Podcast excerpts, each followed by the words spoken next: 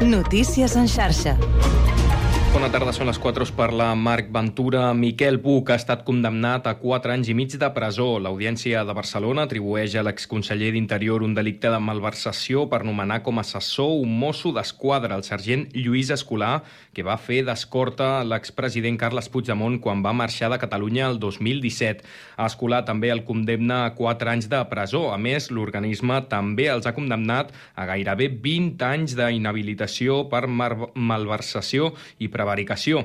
Buch ja ha reaccionat dient que considera injusta la condemna i que recorrerà la sentència sorprèn aquesta agilitat i aquesta rapidesa, no? I veient quin és el resultat de la sentència, és condemnatòria d'una forma, jo penso, que injusta i a més molt bèstia, doncs dona la sensació de que hi havia molta pressa a condemnar-me condemna que ha coincidit per ser amb la decisió del Tribunal Suprem d'avalar els indults a Jordi Sánchez i Jordi Cuixart. La llau de reaccions no s'han fet esperar. L'expresident Carles Puigdemont ha afirmat que la decisió judicial és una barbària d'Espanya, mentre que el secretari general de Junts, Jordi Turull, l'ha qualificat d'animalada. El president Pere Aragonès, per exemple, assegura que la sentència és una autèntica aberració. Per contra, Vox i Ciutadans celebren la condemna Buc i consideren que s'ha fet justícia. El passeig marítim de Vilanova i la Geltrú és ja l'escenari de les regates preliminars de la Copa Amèrica de Vela. Pere Lobato, Canal Blau FM. Vilanova i la Geltrú és des d'avui fins diumenge d'alguna manera la porta d'entrada a la celebració de la Copa Amèrica 2024 que es viurà d'aquí un any a Barcelona. La capital del Garraf acull la regata preliminar d'aquest esdeveniment esportiu de gran impacte mundial i que avui ja ha deixat entreveure la seva espectacularitat amb embarcacions que arriben als quasi 100 km per hora, utilitzant només la vela. Es preveu que fins diumenge a Vilanova hi arribin 40.000 visitants. Segons a Juan Luis Sanruiz, alcalde de Vilanova i la Geltrú, formar part de la Copa Amèrica és una gran oportunitat per donar a conèixer la ciutat. A nivell, eh, a nivell internacional, jo crec que com a ciutat és una oportunitat que no podem deixar perdre, no? i és una oportunitat també per posar en valor un dels actius principals que tenim com a ciutat, que és precisament tot aquest entorn, no? aquesta façana marítima. Per aquesta tarda hi ha programat un entrenament oficial amb les embarcacions participants i demà, dissabte i diumenge seran els dies de les regates. Des de terra tot es podrà seguir des del passeig marítim de Vilanova. Després del terratrèmol que va colpejar el Marroc la nit de divendres, són moltes les ONG gironines que han engegat campanyes per enviar ajuda humanitària a la zona afectada. Una d'elles és Azahara, que en pocs dies ja han aconseguit recaptar més de 25.000 euros. Marc Sui, Televisió de Girona. Sanae Ben Ali, membre de l'ONG, recalca que els donatius econòmics són més útils que la recollida de material, perquè ells treballen sobre el terreny i saben què és el que es necessita en cada cas. En aquests moments estem comprant coses tan bàsiques com la llet, els bolquers, mantes, eh, tendes de campana, eh, també estem comprant eh, llinternes i, i, i, i ens estem apropant en els pobles que estan quedant una mica eh, a les afores. La comunitat marroquina de Catalunya ha quedat colpida pel desastre. Són molts els veïns de Girona que tenen a familiars o amics afectats pel sisme. Tot i això, estan agraïts per com ha reaccionat la ciutadania, tal com assenyala Karim Sapni, activista i director d'Idària. La resposta de la comunitat eh, de tota la ciutadania de comarques gironines en general ha sigut exquisita. Uh, la gent ha sigut molt sensible, amb molt de tacte. Tot i les dificultats, des de les ONGs demanen que l'ajuda no s'aturi. Comissions Obreres alerta que el nombre d'alumnes per classe i per professor als centres públics és massa elevat. El sindicat diu que per igualar la mitjana catalana de l'estatal caldrien 4.800 noves aules. Notícies en xarxa. 4 i 4 minuts. Comença el Connectats.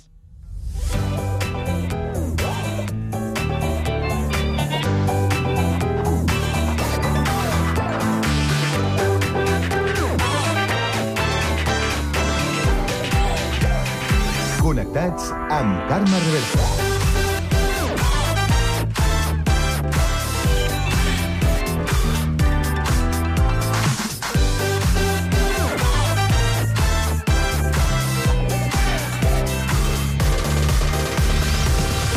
Molt bona tarda, salutacions. Benvinguts al magazín de tarda de la xarxa, el Connectats de l'àrea metropolitana de Barcelona, un programa que fem Ràdio Sant Cugat, Ràdio Sabadell, la Ràdio Municipal de Terrassa, el Prat Ràdio, Ràdio Ciutat de Badalona i Ràdio Castellà. Una salutació de tot l'equip condit a la part tècnica per Oriol Coromina, Jessica Rius a la producció i de qui us parla, Carme Reverte. Avui és dijous, 14 de setembre, i volem saber quin temps ens espera aquesta tarda. Lluís Mi Pérez. Bon dia. Al llarg de les properes hores el temps ha de continuar sent més aviat variable, per tant, tornaran a créixer alguns núvols que, de fet, acabaran desembocant en tempesta. Lluny del mar, en qualsevol cas, prop de la costa, el sol serà molt més dominant, amb una temperatura xafogosa, i a les muntanyes del prelitoral, també les serres de la Catalunya central i sobretot cap al Prepirineu, sí que acabaran espatagant aquests ruixats i tamborinades. Les més fortes entre el Lluçanès, també el Berguedà, Osona, la comarca del Ripollès, la de la Garrotxa i també entre l'Alt Penedès i la banda de la Noia. Ja diem, sobretot al voltant de les serres, amb una temperatura encara elevada. Atenció demà perquè venen més pluges. Demà a la tarda, molt possiblement, plourà moltíssim en algunes comarques de la costa. Us seguirem a la xarxa.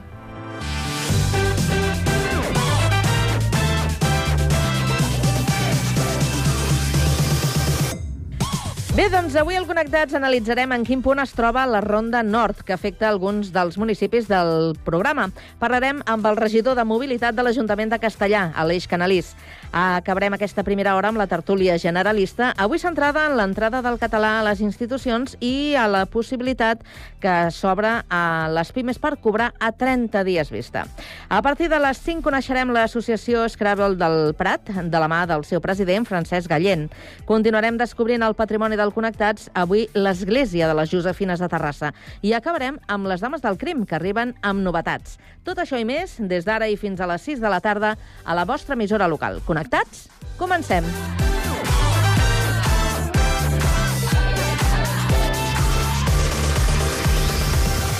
Connectats amb Carme Reverte.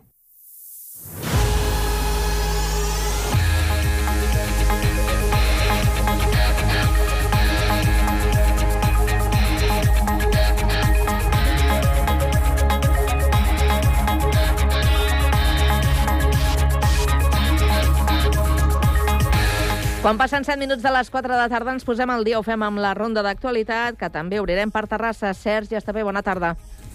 Bona tarda. La campanya de dinamització de, del comerç Terrassa-Balmol que van engegar l'Ajuntament i la Cambra de Comerç de Terrassa es repetirà aquest Nadal. Així ho han confirmat fons municipals.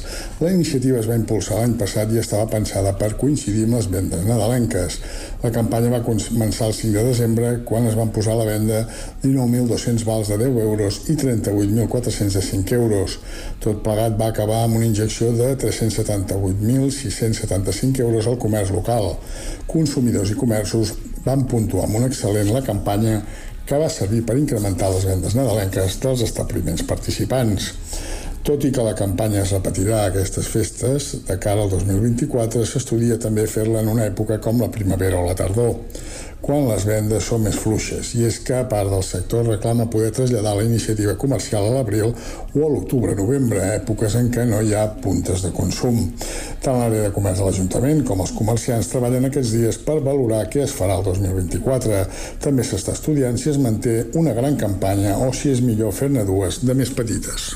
Gràcies, Sergi. Continuem a la comarca del Vallès. Anem a la CUC Capital, a Sabadell. Pau Duran, bona tarda. Bona tarda. Sabadell homenatjarà el seu veí, militant antifranquista Cipriano Martos, aquest dissabte. Ho farà amb un nou espai de memòria a la plaça de la Vall d'Aran, amb un adossat panoràmic que recordarà la seva vida i també el seu assassinat al 1973. La iniciativa s'inclou al Pla de Memòria Democràtica de l'Ajuntament i assistiran l'alcaldessa de Sabadell, Marta Ferrés, i la consellera de Justícia, la castellarenca Gemma Ubasart. L'acte, convocat a les 7 de la tarda, inclou actuacions artístiques i l'obra de teatre Molotov, de David Pintor i Joan Valentí. La regidora de Drets Civils, Sílvia Garcia, ha marcat la línia del consistori sabadellenc. Recordar i reparar la memòria dels represaliats franquistes és una obligació que tenim com a societat i que considerem que també tenim com a ciutat, per poder transmetre a les noves generacions quina és la seva història, el per què dels fets que van succeir, com treballar per reforçar la democràcia, el diàleg i la llibertat. A més, avui dijous hi ha una xerrada a l'Associació de Veïns de la Plana del Pintor amb Núria Armentano, antropòloga biològica que va liderar el procés d'exhumació de Martos, i amb Roger Mateos, l'autor de Caso Cipriano Martos, Vida i muerte de un militante anarquista. A banda, es crearan dos espais de memòria més, el Círcul Republicà Federal i l'antiga comissaria de la Policia Armada de la Rambla, tots tres inclosos a la xarxa d'espais de memòria de Catalunya. Gràcies, Pau. Anem fins al litoral, concretament a Badalona. Andrea Romera, bona tarda. Bona tarda, Carme. El president Pere Aragonès assegura que intensificarà la col·laboració entre l'Institut Goodman i la Generalitat. Així ho ha afirmat durant la visita oficial que ha realitzat aquest dimecres a les instal·lacions del centre ubicat a Can Ruti, a Badalona. Aragonès també ha lluat la tasca de recerca del Goodman. Escoltem-lo. He tingut l'oportunitat de poder aprofundir en els projectes de futur de l'Institut Goodman i seguirem intensificant la col·laboració amb el Govern de Catalunya, eh, tant en l'àmbit assistencial com en l'àmbit de recerca, com també en tot l'àmbit de formació. Per la seva banda, la directora assistencial de l'Institut Goodman, Montserrat Bernabeu, ha valorat positivament la visita del president i ha celebrat que el govern entengui el valor que aporten els centres monogràfics, com l'Institut Goodman. Escoltem Montserrat Bernabeu. Hem valorat el tema, tot el tema de la importància que té estar al capdavant de la recerca i com doncs, la Generalitat de Catalunya eh, posa a disposició doncs, eh, estructura de recerca. El govern entén que això és un centre monogràfic i com a centre monogràfic és un centre que ha de ser capdavanter en la innovació justament en neurorehabilitació. La directora assistencial de l'Institut Goodman també ha volgut destacar la importància de continuar apostant per centres pioners en la recerca mèdica. Gràcies, Andrea. Seguim al litoral per saber què és notícia avui al Prat de Llobregat. Lluís Rodríguez, bona tarda. Bona tarda. El Prat de Llobregat ha estat dels últims municipis en rebre el simulacre en forma d'alerta mòbil que Protecció Civil ha fet durant tot el matí a la marcació de Barcelona per primer cop. La prova ha consistit en un missatge amb el text alerta de protecció civil, acompanyat d'un so estrident que ha durat aproximadament un minut. Tot i que la majoria de les persones al Prat estaven alertades, en alguns casos no han rebut res. A mí mi teléfono no, no ha sonado. A mi compañero sí. Okay. Y a las señoras que están al lado también. Ja ho sabíem. Estàvem esperant. Sobre sol ja posa l'explicació, que no truquem al 112. Bueno, m'he quedat una miqueta, no me'n recordava, i pensa el codi que sona, però sí, està tot bé. Des de Protecció Civil fan una crida a la ciutadania perquè valori la prova a través de l'enllaç que trobareu a interior.gencat.cat barra alertes protecció civil.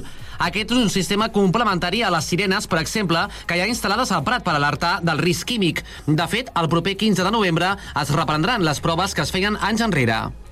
Gràcies, Lluís. Tornem al Vallès, a Castellà en concret. Rocío Gómez, bona tarda. Bona tarda. Hanun, el grup de mobles i decoració sostenible amb seu al polígon del Pla de la Bruguera des del març d'aquest any, ha anunciat l'adquisició del 51% del capital social de Widow Boot, reconeguda companyia danesa de disseny i producció de mobles minimalistes. S'espera que aquesta adquisició es formalitzi com a màxim fins a finals d'octubre després de l'anunci de la signatura de l'acord d'adquisició no vinculant entre les dues companyies. L'oferta és a prop de 280.000 euros. Hanum preveu expandir-se a Escandinàvia i a Dinamarca.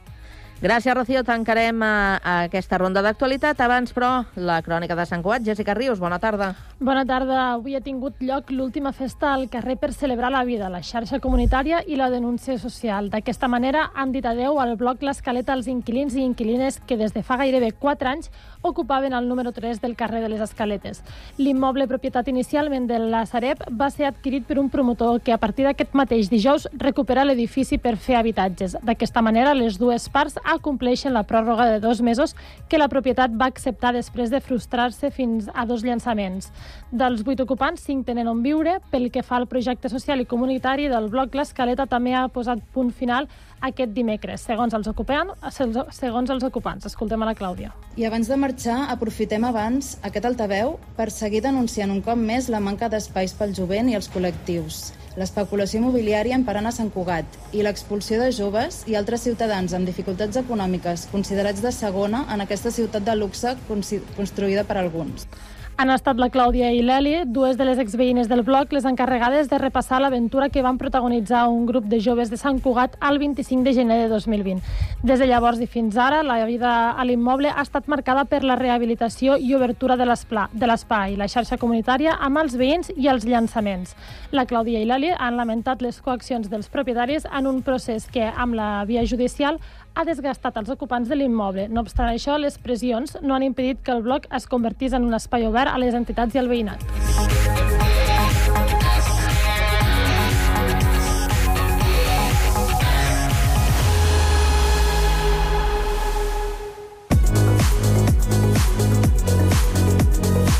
Cada tarda, de 4 a 6, Connectats. Una experiència radiofònica a Sabadell, Terrassa, Sant Cugat, Castellà, El Prat i Badalona.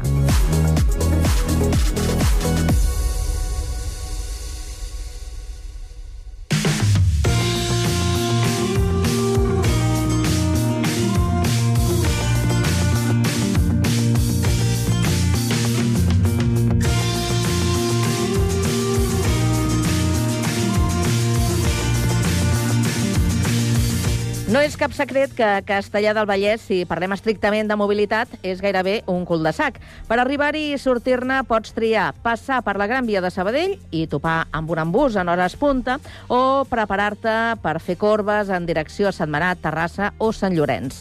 Per tot plegat és eh, llargament reivindicat un enllaç amb una via ràpida. En aquest cas, la C58. La famosa Ronda Nord, Ronda Nord eh, per tant, hi posaria remei a aquesta situació. Analitzem en quin punt es troba la Ronda Nord, que afecta directament a més municipis del Connectats, Terrassa i Sabadell. En parlem amb el regidor de Mobilitat de l'Ajuntament de Castellà, Aleix Canalís. Molt bona tarda. Molt bona tarda.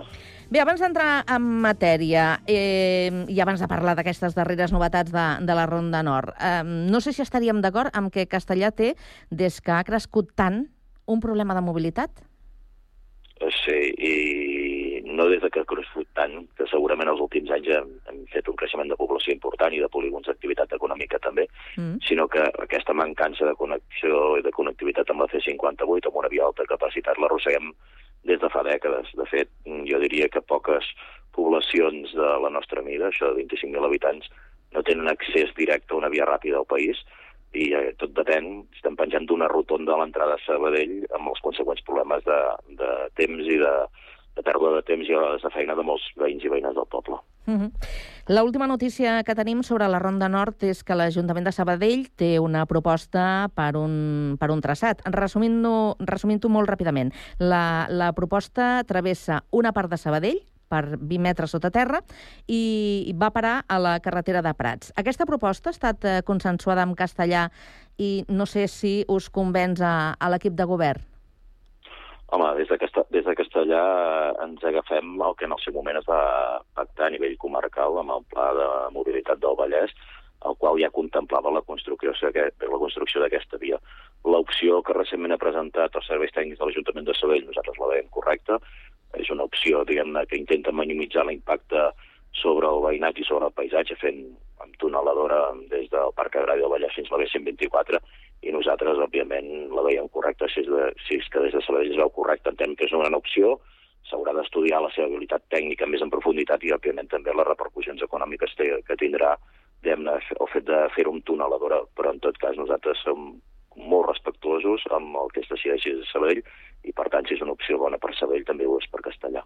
Perquè, clar, una de les grans pors eh, respecte a aquesta Ronda Nord és que es talin desenes de milers d'arbres. Amb aquesta proposta s'evitaria? Home, entenem que sí, eh, pel que va sortir en premsa i amb el que he pogut saber en contacte amb l'Ajuntament de Sabell, és una proposta que fa que la tuneladora entri una mica abans d'on ara s'acaba la ronda oest de Sabadell, a l'alçada del Parc Agrari, passaria per sota la benzinera, interpretem doncs, que hi ha ara a la, a la sala carretera de Mata de Pere, i continuaria per sota el passeig de les Palmeres i per sota el camp de futbol que hi ha, i aniria a sortir a uh, la feixa superior de, de, que es troba sobre la B124 poc abans de passar el pont de Sabadell. Per nosaltres és una opció bona i, com deia, s'ha d'analitzar el cost econòmic i l'habilitat tècnica, però està clar que l'impacte ambiental i l'afectació sobre el veïnat eh, de Sabadell, d'aquesta zona de, de Can Oriaca, seria, seria mínima. Mm -hmm eh, hi ha una mica de, de garbuix eh, amb qui ha de fer possible aquesta Ronda Nord. Per aclarir-ho, i intervenen diferents actors. D'una banda l'Estat, la Generalitat i també els ajuntaments. Sense entrar encara en qui ha fet més eh, per fer possible aquesta infraestructura i només per evitar confusions, quin és el paper que fa cada administració? Doncs, en principi, i com es va plasmar diguem-ne, amb l'acord de, dels pressupostos de la Generalitat, qui ha de finançar aquesta obra és el Ministeri de Foment, el Govern d'Espanya, i eh, diguem durant molts anys aquesta infraestructura ha estat pendent de que, els, de que el territori ens poséssim d'acord, eh, Consells Comarcals, Generalitat, Ajuntaments afectats. Aquest acord es va plasmar en el, en el, en el Pla de Mobilitat dels Vallesos, i era una de les infraestructures, diguem-ne, considerades prioritàries en aquell pla. Hi havia un consens polític, i el que sempre s'ha demanat, i la Generalitat ha demanat, és que poder executar-ho seguint uns criteris, diguem determinats pel, pel territori. I el que es fa amb aquest conveni que està a punt de signar doncs, des del Ministeri amb la Generalitat és que la, el Ministeri financia l'obra, però l'executa, fa com un encàrrec a la Generalitat per executar-la. Per tant, entenem que estem en la situació idònia que ha costat molts anys arribar-hi i moltes hores de feina per part de la Generalitat, dels ajuntaments i també del Ministeri. Uh -huh. En quin punt estan aquestes converses per fer possible la, la via? És a dir, ja s'ha posat fil a l'agulla i ara s'ha de començar a embastar el vestit?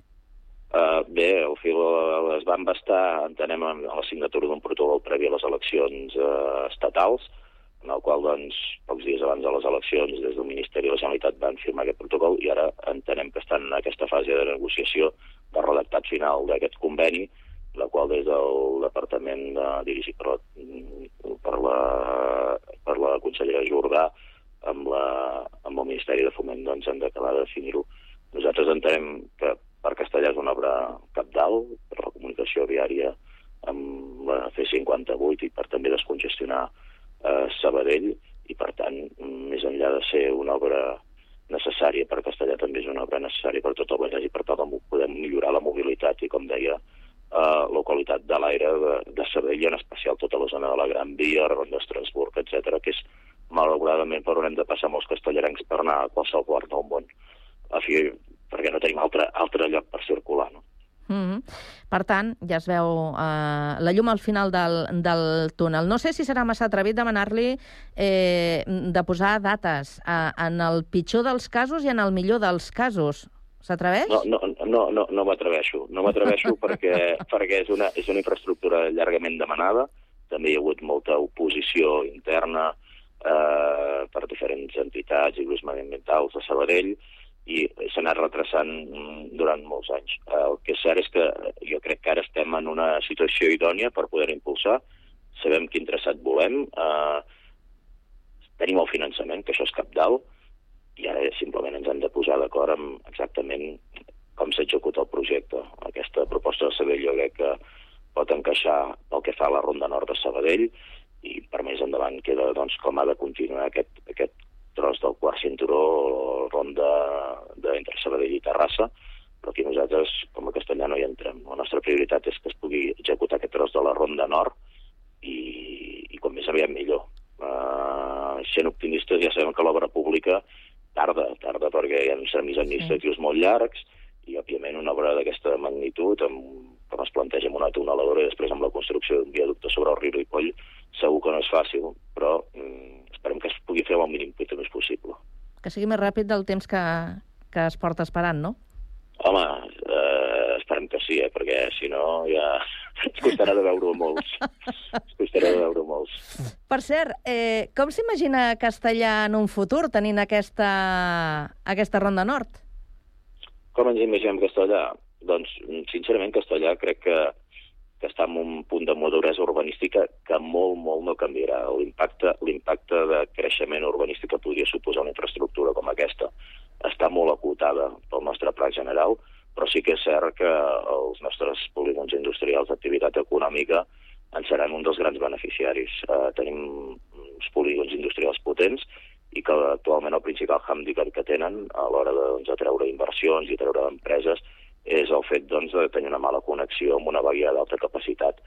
Eh, per tant, pel desenvolupament econòmic de Castellet, els polígons industrials de, del nostre municipi, aquesta connexió és prioritària i creiem que pot ser mm, aportar un valor afegit doncs, a, a aquest teixit industrial del municipi i a part, a nivell de, de veïns i veïnes que treballen fora del municipi, el fet de no haver de passar per dins de Sabadell eh, doncs per desplaçar-se a altres municipis és important. Mm -hmm. El quart cinturó, o aquest tros de la Ronda Nord de Sabadell, és molt important per nosaltres, però, òbviament, també reclamem millores en el transport públic. Um, diguem-ne, la mobilitat del segle XXI sí que té un pes important al vehicle privat i, per tant, doncs, infraestructures com aquesta, però també el transport col·lectiu, el transport públic, jo crec que hem de fer passos endavant els propers anys en col·laboració a la Generalitat de Catalunya. Precisament eh, això que ara estava comentant, eh, el de buscar solucions i prioritzar també el transport públic, és un dels arguments eh, de les entitats eh, ecologistes, no? eh, en contraposició a, a la construcció d'aquesta Ronda Nord. No és incompatible? Sí.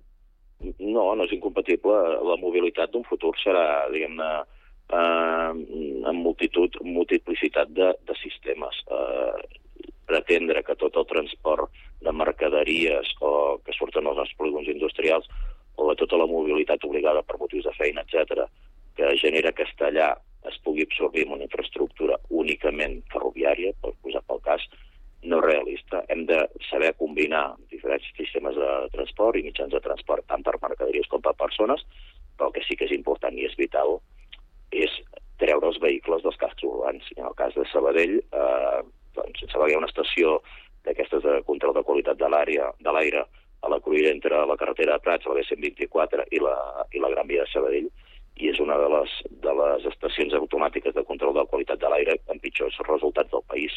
Per tant, mm, més enllà més enllà d'aquesta mobilitat externa i aquesta necessitat de, de circunvalar Sabadell que, té, que tenim els castellarencs i castellarenques, eh, és una cosa clara que mediambientalment el fet de que eh, la Gran Via de Sabadell ha de suportar tran trànsit procedent de barris del nord de Sabadell, però que també de Castellà, eh, no ha de ser. I, per tant, hem de trànsit pesat i aquest eh, volum de vehicles que de manera eh, forçosa han de passar pel centre de Sabadell, els hem de treure i fer-los circunvalar en ares doncs, d'una millor qualitat de vida pels veïns i veïnes de Sabadell, també. Mm -hmm. No oblidem que un, un, un altre dels arguments de, dels opositors a la, a la creació d'aquesta Ronda Nord eh, és la, la inversió eh, s'estima que eh, la, la xifra en l'actuació que es porta a terme a Sabadell seria d'uns 100 milions eh, als quals caldria sumar la inversió al terme de, de Terrassa. Gairebé eh, una infraestructura eh, que arribaria gairebé als, als 300 milions d'euros. Sí, estem parlant, estem parlant per això del, del, del, del conjunt. Aquests 300 milions d'euros mm. seria el conjunt de la connexió on finalitza actualment la, la B40 a l'alçada de, sembla que es diu el Pla de Bonaire, de Terrassa, i continuar-la fins, fins aquí, fins al Parc Agrari de Sabadell, i llavors la continuació de la Ronda Oest. Sí, és certament una inversió important eh, i, i diguem qualsevol obra pública que es faci, sigui eh, per la construcció d'un nou vial, o sigui per una inversió ferroviària, com en el seu moment es va plantejar de prolongar els ferrocarrils de la Generalitat cap a Castellà, estem parlant de molts milions d'euros, és cert, però creiem que una ciutat com Sabadell, de més de 200.000 habitants, eh, que no té una ronda de circunvalació més enllà d'una gran via, que ja és una, una via, un vial, diguem-ne, urbà, i la C58 per la banda est, a banda oest, perdó, entenem que no passa enlloc. Les grans ciutats, tant de Catalunya com l'Estat, tenen rondes de circunvalació i Sabadell, amb més de 200.000 habitants, n'ha de tenir. De tenir aquesta ronda nord i que connecta amb la ronda oest que ja té i en futur, si hom ho considera, també la ronda est. L'important de les ciutats del futur és que el vehicle privat eh, només hi entri el vehicle de destí i, i en unes condicions diguem-ne que no pertorbin la qualitat ambiental. Per tant, tot el trànsit de pas, a ser possible, s'ha de treure i la Ronda Nord de Sabadell és, és en aquest sentit, una peça capdalt per, per Sabadell i, òbviament, de retruc per Castellà. Per cert, ara que parlava dels ferrocarrils, deu fer més de 20 anys que es parla de l'arribada del tren a Castellà, que no estaria pas malament, sobretot pels que venim també de fora, que seria bastant més pràctic i més còmode. No hi ha cap mena d'iniciativa engegada per ningú per, per eh, demanar-ho? A hores d'ara eh, va haver un moment quan el conseller Nadal va assumir el 2008 o 2009 la cartera de política territorial de la Generalitat, que va haver-hi un, un primer, uns primers treballs, uns estudis informatius sobre la viabilitat. Eh, en principi, va, si no recordo malament, van aparèixer amb alguns documents de treball a futur, però aquesta proposta ha caigut, va caure sobretot pel que els entesos en diuen perquè la TIR, la taxa de, de, de retorn, o sigui, la relació d'inversió, cost d'inversió i número d'usuaris era molt baixa. Nosaltres, en tot cas, com deia, eh, no renunciem a que un futur eh, el tren pugui arribar a Castellà, però sent realistes, eh, a hores d'ara ens hem de centrar en que s'executi aquesta, aquesta part de, de la Ronda Nord de Sabadell, que solucionarà molts dels problemes que tenim de connexió i de connectivitat als veïns i veïnes de Castellà, i com deia també eh, servirà per Sabadell per oxigenar la Gran Via i poder accelerar aquest procés de reconversió que s'està fent de la Gran Via cap a una via molt més urbana. Doncs eh, esperem aquestes eh, millores. Aleix Canalís, regidor de Mobilitat de l'Ajuntament de Castellà. Moltíssimes gràcies per haver atès la trucada del Connectats i molt bona tarda. Moltes gràcies a vosaltres. Molt bona tarda.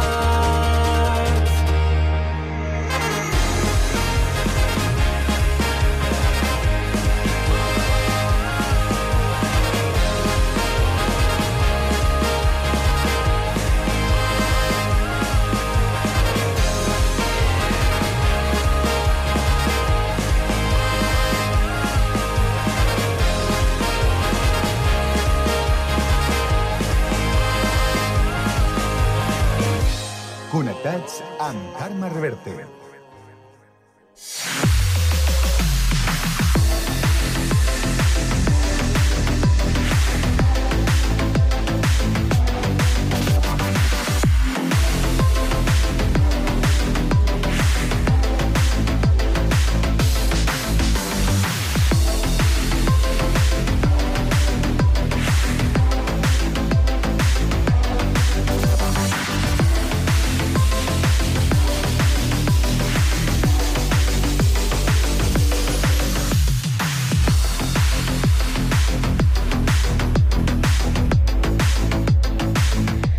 Passen dos minuts, eh, gairebé arribant a tres minuts, els que passen de dos quarts de cinc de la tarda. És temps per a la tertúlia.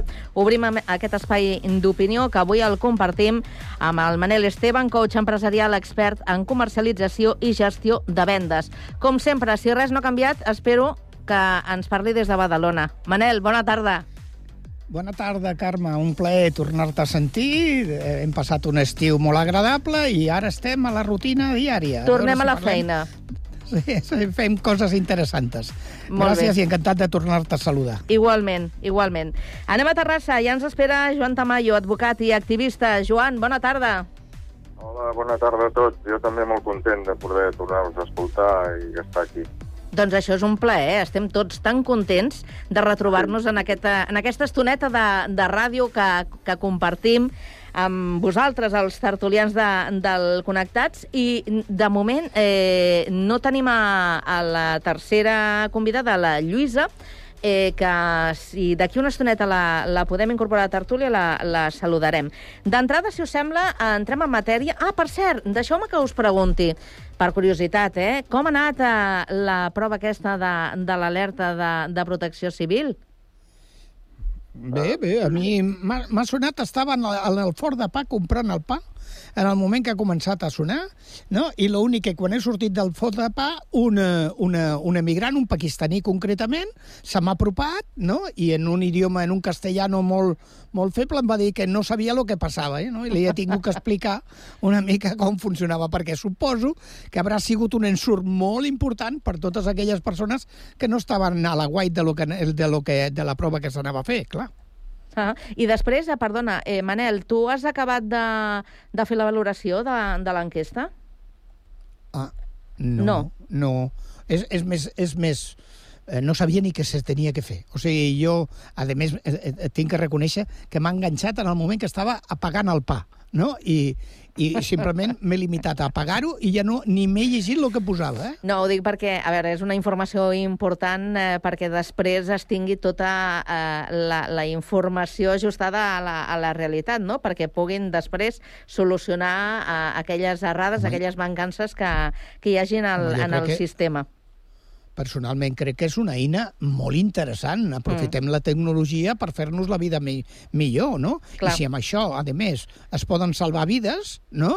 Ostres, tu imagina't aquest estat d'alerta, jo que sé, en el terratrèmol de Marroc, que hagués hagut per part del Institut Sismogràfic de Marruecos la previsió de que a la millor anava un terratrèmol fort i poguessin haver avisat a tota aquesta gent que ha quedat sepultada, no?, de que eh, Sí, abandonessin els, les seves llars, etc. O sigui, la tecnologia, en aquest cas, crec que és molt bona per, eh, per salvar vides. O sigui, aprofitem-la. Aprofitem-la. Joan.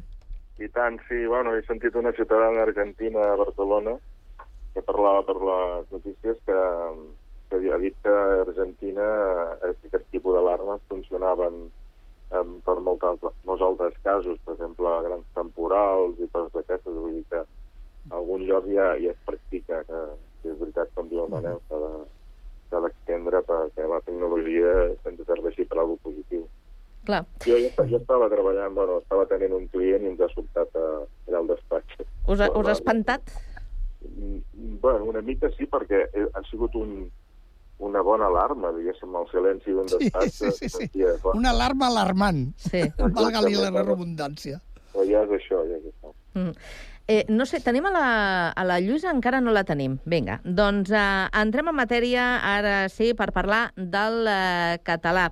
Ja sabeu que dimarts es podrà, sembla que es podrà parlar en català al Congrés, Precisament serà el mateix dia en què s'aprova la, la reforma del eh, reglament. Tot i que els lletrats doncs, eh, tenen alguna recança perquè tots els tràmits, tota aquesta burocràcia per eh, fer efectiu que això es pugui fer amb normalitat requereix de, del, del seu temps. Però vaja, d'entrada, que les llengües cooficials de l'estat espanyol es puguin escoltar al Congrés, com ja s'escolta de fa uns anys en qüestions concretes a, al Senat, no hauria de ser gens estrany, no? Pregunto. La veritat és que no acabo d'entendre com que tenim una Constitució votada des de l'any 1978 i jo encara no entenc com això ho estem parlant en el 2023. O sigui, a veure, és que realment és increïble. O sigui, és que ningú reconeix que en aquest país és un país de països. O sigui, n'hi ha gent que parla de manera distinta, es comunica de manera distinta i aquestes alçades i degut a una qüestió merament de votació o de, de necessitat de vots eh, eh, es pugui aconseguir, me'n sembla... Eh, independentment de després, que jo tinc el, el meu propi pensament de si és important o no eh, en segons quins jocs parlar-hi d'una manera o parlar-hi d'una altra. Perquè al final el parlar, un idioma, és un sistema de comunicació, no? i l'important no és tant la comunicació com que la gent s'entengui. O sigui, s'entengui en l'idioma que s'entengui. Però independentment, aquest país és un país que té uh, diverses nacionalitats i el que me'n sembla sorprenent és que això estigui passant el 2023. O sigui, això tindria que estar però molt afegit i molt arrelat en les nostres institucions, en totes. Deixeu-me que ara sí que podem saludar a la Lluïsa Espín, la directora de Fundació Vina, que la tenim via telefònica. Lluïsa, què tal? Bona tarda. Bona tarda, Carme. Què? Companys. No estaràs de vacances encara? No, Ah. no, no, no, no, no, no. Val. La cosa ha sigut una immersió total i, i s'ha complicat una mica el dia. Vull dir, el tràfic... Eh, Les, bueno, ale les alertes... les eh? alertes que, m'han sonat diverses vegades. Diverses vegades, perquè he sí. anat, ca- he, he anat canviant de zona Mm. i cada vegada anava sonant, però bueno, això vol dir que funciona. I tant, vol dir que funciona. Estem parlant de, de la- de l'entrada del, del català o de les llengües cooficials sí. de l'estat espanyol a, al Congrés a partir de, de dimarts eh, que ve. Eh, Seguirem aquesta ronda. Donem pas al Joan i de seguida eh, et pregunto a tu. Perfecte, gràcies. Vinga, Joan. Sí, perquè, bueno, és, és una bona notícia recuperar un dret fonamental com aquest, que és un, una llàstima que eh, per imposicions dominants d'una- d'un estat o d'una cultura doncs eh, es hagués negat una cosa que, com deia la nostra sàvia morta fa pocs dies, el Carme Junyent, que és la, una de les estudiades de, la, de les llengües més importants que hem tingut, doncs la, cada cop que mor una llengua, deia, doncs ens fem una mica més pobres, no? Perdem alguna cosa, perquè la diversitat és riquesa. Ella, ella va fer un llibre en el qual va, va, va, va, va catalogar que a Catalunya es parlen més de 300 llengües en aquest moment. Eh, per tant, la llengua és un, és un, és un dret, és una és cultura i per tant això no es pot prohibir mai en lloc, al contrari, s'ha de fomentar. Per tant, és una bona notícia, i tant. Uh -huh. i, i tot el contrari és, és, és això, poder, imposició per, per poder dominar. Per tant, que es faci tirat enrere és una molt bona notícia. A veure, Lluïsa, tu què et sembla? Doncs jo escoltava l'anterior tertulià. El Manel. Que no, el Manel. I, i, Encantat, i pensava, encantat. Ah, sí, encantada igualment, Manel. Ma- Manel, tens tota la raó. Vull dir que, que a aquestes alçades eh, estiguem en aquest punt eh, doncs fa una mica de pena. Però jo crec, i és una percepció personal, perquè eh, jo també vaig, bueno, suposo que tots anem per la resta del país, no? Però tinc la sensació de que s'ha transmès la llengua com un símbol de, no d'unitat, sinó de separació, no? De que els catalans ens entenem en català per no entendre's amb els altres. I, i és, és com un esforç, no?, haver d'estar explicant sempre que, que aquí eh, ens agrada parlar en català i que tenim, com altres eh, comunitats, altres països de, de, de, de tenim el dret de parlar en una llengua eh, que, a més a més, és riquesa, eh, és riquesa i és eh, cultura. Per tant, em fa pena que després de tants anys encara estiguem en aquest, eh, en aquest punt. Perquè si la comunicació hagués estat d'una altra manera, si s'hagués explicat amb unitat i no amb, amb intenció de, de separar o de, de posar-nos a, la banda de, de, de, de dolents o de, o de diferents, eh, les coses serien d'una altra manera. És una llàstima que encara tinguem d'anar amb lleis a la mà per coses així. Bueno, perquè s'ha caigut amb l'ús polític de la llengua, que és una cosa cultural, i quan s'utilitza políticament per interessos polítics mm -hmm. la, cultura, la llengua, etc doncs, bueno, eh, s'envien missatges eh, totalment mm. contraris, però interessats per, perquè s'entengui la llengua com una cosa que no és el contrari. I per tant, no és un missatge que hem anat rebent sempre, de, de, com deies tu, de la llengua per dividir, per... Eh, Exacte. Contrari. Sí, però, però eh, Joan, eh, el que la llengua s'estigui fent servir com una eina política, ho trobes, eh, ho expliques com un retret cap a los polítics? Ho dic perquè, al final, sigui de l'àmbit que sigui, tothom ho fa servir. Tothom fa servir la llengua, no?, com, un, com, com, com una eina com una eina mm, de separació, per dir-ho d'alguna manera, o de discriminació, però des de tots els angles, o sigui, des de l'espanyol, des del català, des del basc o del, des del gallec, no? Sí, perquè s'utilitza per, per interessos polítics, no, no, no per fer més rica la gent, no perquè visqui millor, millor, millor la gent, sinó pel contrari, perquè pels meus interessos polítics. I per tant això és, mm. això és intocable, la llengua, la cultura s'ha de fomentar, que sí, fomentar, però no mai eh, reprimir eh, o imposar una sobre l'altra, sí, això és el que s'ha fet contínuament. També em sembla que si aquí parléssim d'origen com altres països, l'anglès amb la fluidesa que es parla en, eh, en altres llocs, eh, no, eh, seria diferent, perquè tenir una sola llengua eh, és com que mm, és la teva identitat.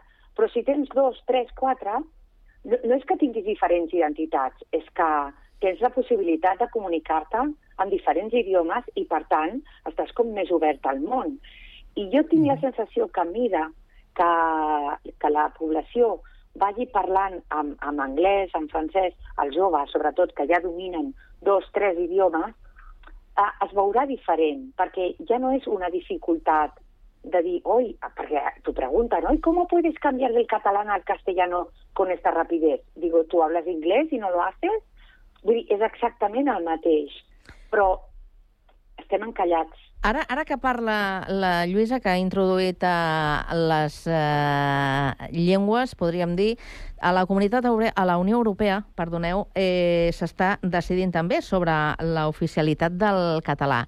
I aquí la cosa ara ja comença a, a tenir alguns núvols, perquè ahir mateix eh, es feia... Es, bueno, es donava la notícia que el govern suec que no les té totes, perquè, clar, és que hi ha moltes altres llengües minoritàries que tampoc no estan eh, reconegudes. I en aquest cas, tots els 27 haurien d'estar d'acord per eh, donar oficialitat a, a una llengua com el, com el català. Penseu que serà difícil? Veieu un escenari diferent en aquest cas o no?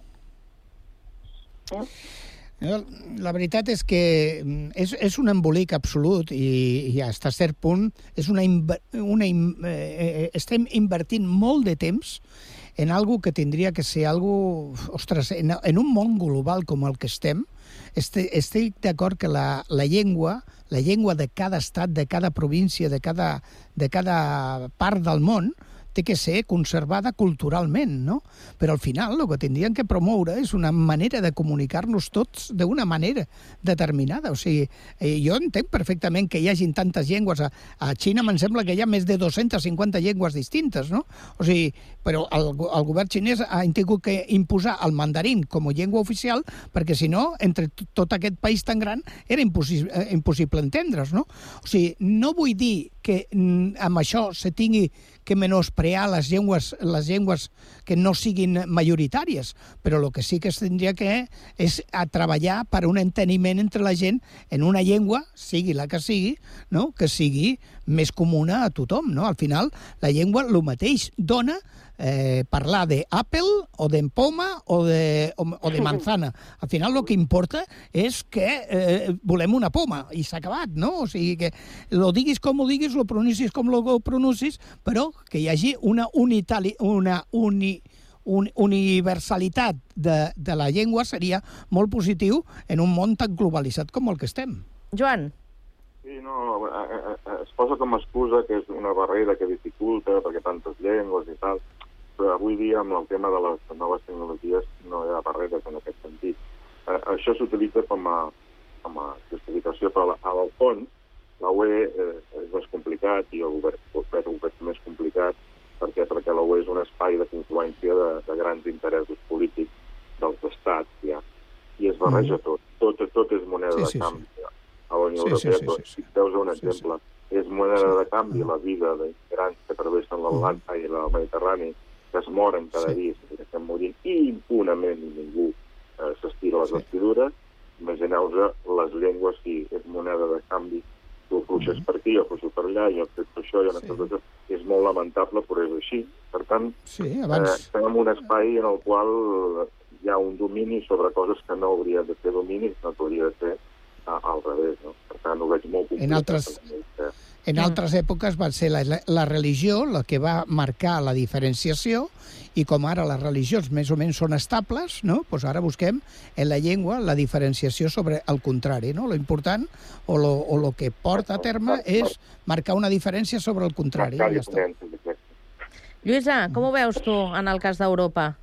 Doncs que no ens despisti amb, aquestes, amb aquests temes mm, d'accions més eh, importants que, i decisions més importants eh, que s'han de prendre i que s'han de portar a terme. Eh, busquem una manera d'entendre'ns, sigui en l'idioma que sigui, i si mm, s'ha de fer, doncs, com diu ara el Manel, universal, un tema universal per certs moments i que no sigui moneda de canvi. I, i avancem, perquè ens estem quedant mm. encallats. Mm. A veure si us sembla que això, a veure si això us sembla que és eh, avançar, o almenys eh, pel que serien les petites i mitjanes empreses, perquè la Unió Europea eh, el, Ara que, el, que, el que vol és Ara obligar, riurem, obligar Ara- ara que riurem. aquestes empreses cobrin a 30 Ara riurem. dies i vol Ara fer pagar riurem, els ara riurem. interessos si no es compleix. Eh, no sé com, com ho veieu. Tu, comença a riure, Manel, va. Mira, el primer que se salta això són l'administració pública i sobretot l'administració local. Sí.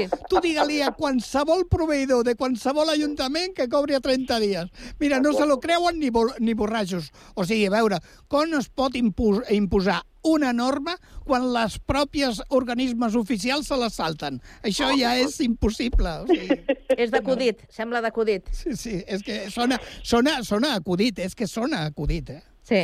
Uh, Joan, Sí, no, bueno, jo, clar, això, això és una norma que arriba tard, perquè tot i que arriba des de la Unió Europea, ja m'agradaria veure el dia que s'aprovi aquest reglament com serà la traspàs, el traspàs o traslació d'aquest reglament a la legislació espanyola, perquè tenim exemples històrics de traslació de reglaments europeus que fan riure o fan plorar. Per tant, ja ho veurem, però que sí, que clar, és una cosa que és fer justícia, és fer equitat, és i, i tot té molt a veure amb el valor responsabilitat, que jo sempre poso el tema dels valors. I clar, el valor responsabilitat el tenim molt deteriorat eh, i, molt, bueno, i molt, molt oblidat, i per tant eh, això és una mica bueno, una selva, no? com deia el Manel, la pròpia administració ja no compleix, perquè hi ha una manca de responsabilitat, i qui qui surt perjudicat sempre, curiós, són els més febles, autònoms, petits empresaris, no els grans empresaris, els mitjans empresaris, el gran capital, mai Mm. surt eh, perjudicat. Per tant, s'han de fer normes per regular una mica aquest, aquesta desigualtat que hi ha en els autònoms, que, en, que cauen en quantitats immenses en cada vegada que hi ha una crisi. Per què? Perquè no es pensen bé en coses com aquesta, que són tan, tan de responsabilitat i tan d'elementals. És trist, però, però bueno, és així mateix. Per tant, la iniciativa seria bona o està carregada de bones intencions, el que passa és que a la pràctica i a la realitat, com són les grans empreses i les administracions les que tenen la paella pel, pel mànec, són les que acaben imposant les, les condicions. Sí, perquè amb ells sí, sí. els dies cobrar al cap d'un mes o al cap de tres mesos, perquè no depenen d'això. Eh, és, un, és, un, és un tema així de clar. Però eh, eh, Lluïsa. aquí tenim, aquí tenim El un, negoci- un... Lluïsa i després el, Sí. el Manel, vinga. A veure, jo eh, el que penso és que mm, eh, era necessari que, que això es regulés, encara que, és a dir, fa, fa gràcia, no? Eh, una cosa molt important és que mm, es fa eh, d'ofici, perquè fins ara era una cosa... Eh, o sigui, tu t'havies de buscar un advocat que et presentés la demanda i per cobrar els interessos. I ara, en principi, això no hauria de ser així, sinó que serà, t'has retrasat tants dies, et toca pagar tant de més, i entenc que això hauria d'anar a favor de l'eficiència administrativa, perquè si no, tots aquests diners són diners públics. O sigui, són interessos que s'estan pagant per una mala gestió de la pròpia administració. Mm. Crec que és molt important tenir clar que aquests diners són diners mm, que, s'estan malbaratant perquè no hi hauria necessitat de gastar. Aleshores, anem a buscar per què s'estan pagant fora de termini aquests pagaments quan ja la llei diu que s'ha de pagar a 30 dies. Perquè és, perquè és una manera, perquè és una manera d'ingressos per les grans empreses, sobretot per les grans companyies. El negoci d'una d'una cadena de, de supermercats moltes vegades radica en que ells, el fabricant, posarem el de suavitzants, li demana tres camions, no?, els posa a les botigues, els ven aquests tres camions en tres mesos, però ell triga 30, eh, eh, 90 dies en pagar-li al fabricant. O sigui, uh. -huh. i el negoci no està en el marge, sinó que està en, en el cash, en els diners en efectius que tenen, no? O sigui, uh -huh. i Mhm. juguen amb aquests diners, no?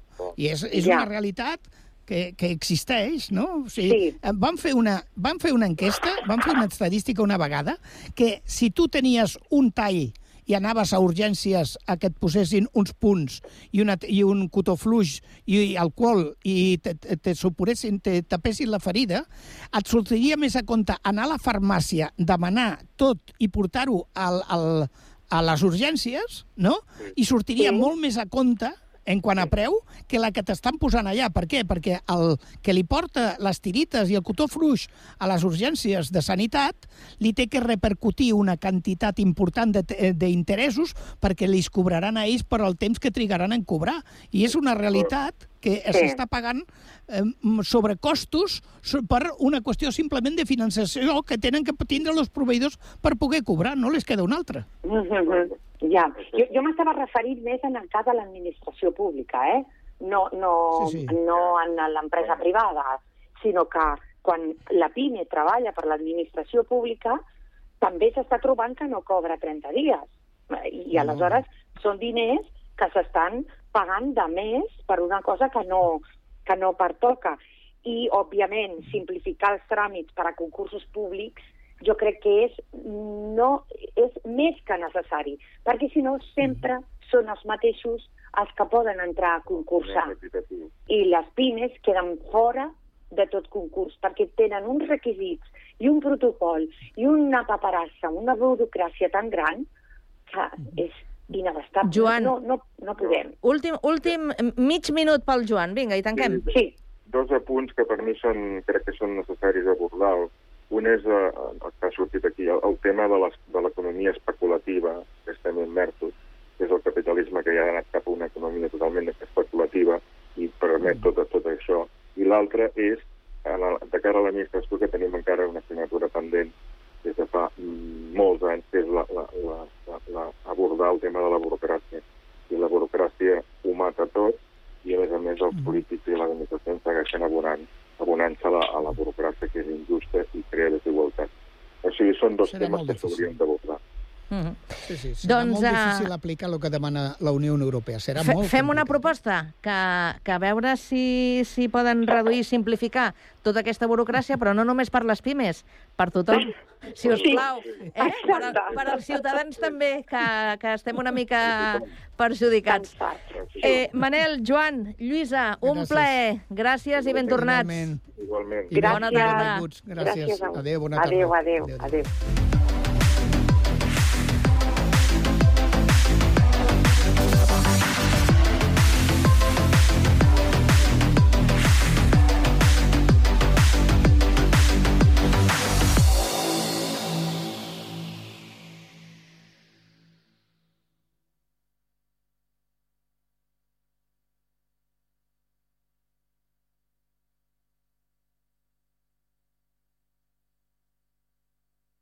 Quatre i quatre minuts. Comença el Connectats. amb nosaltres.